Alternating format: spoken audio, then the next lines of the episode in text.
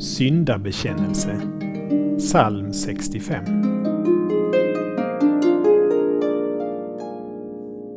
Till dig kommer alla människor för att bekänna sina synder. När vår skuld blir oss för tung förlåter du oss. Kyrkan kritiseras ibland för att trycka ner människor genom att tala om synd. Det ligger en total missuppfattning bakom denna kritik. Syndabekännelsen trycker inte ner, den möjliggör avlösningens befrielse. I en äldre gudstjänstordning inleddes högmässan med syndabekännelsen så att man genast fick kasta av sig bördorna och ta emot förlåtelsen.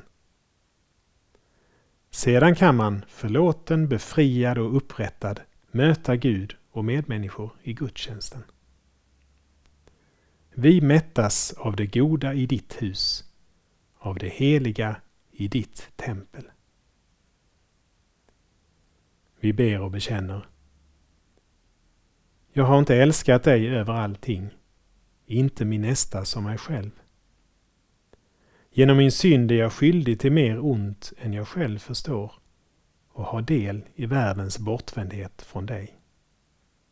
Förlåt mig för Jesu Kristi skull. Amen.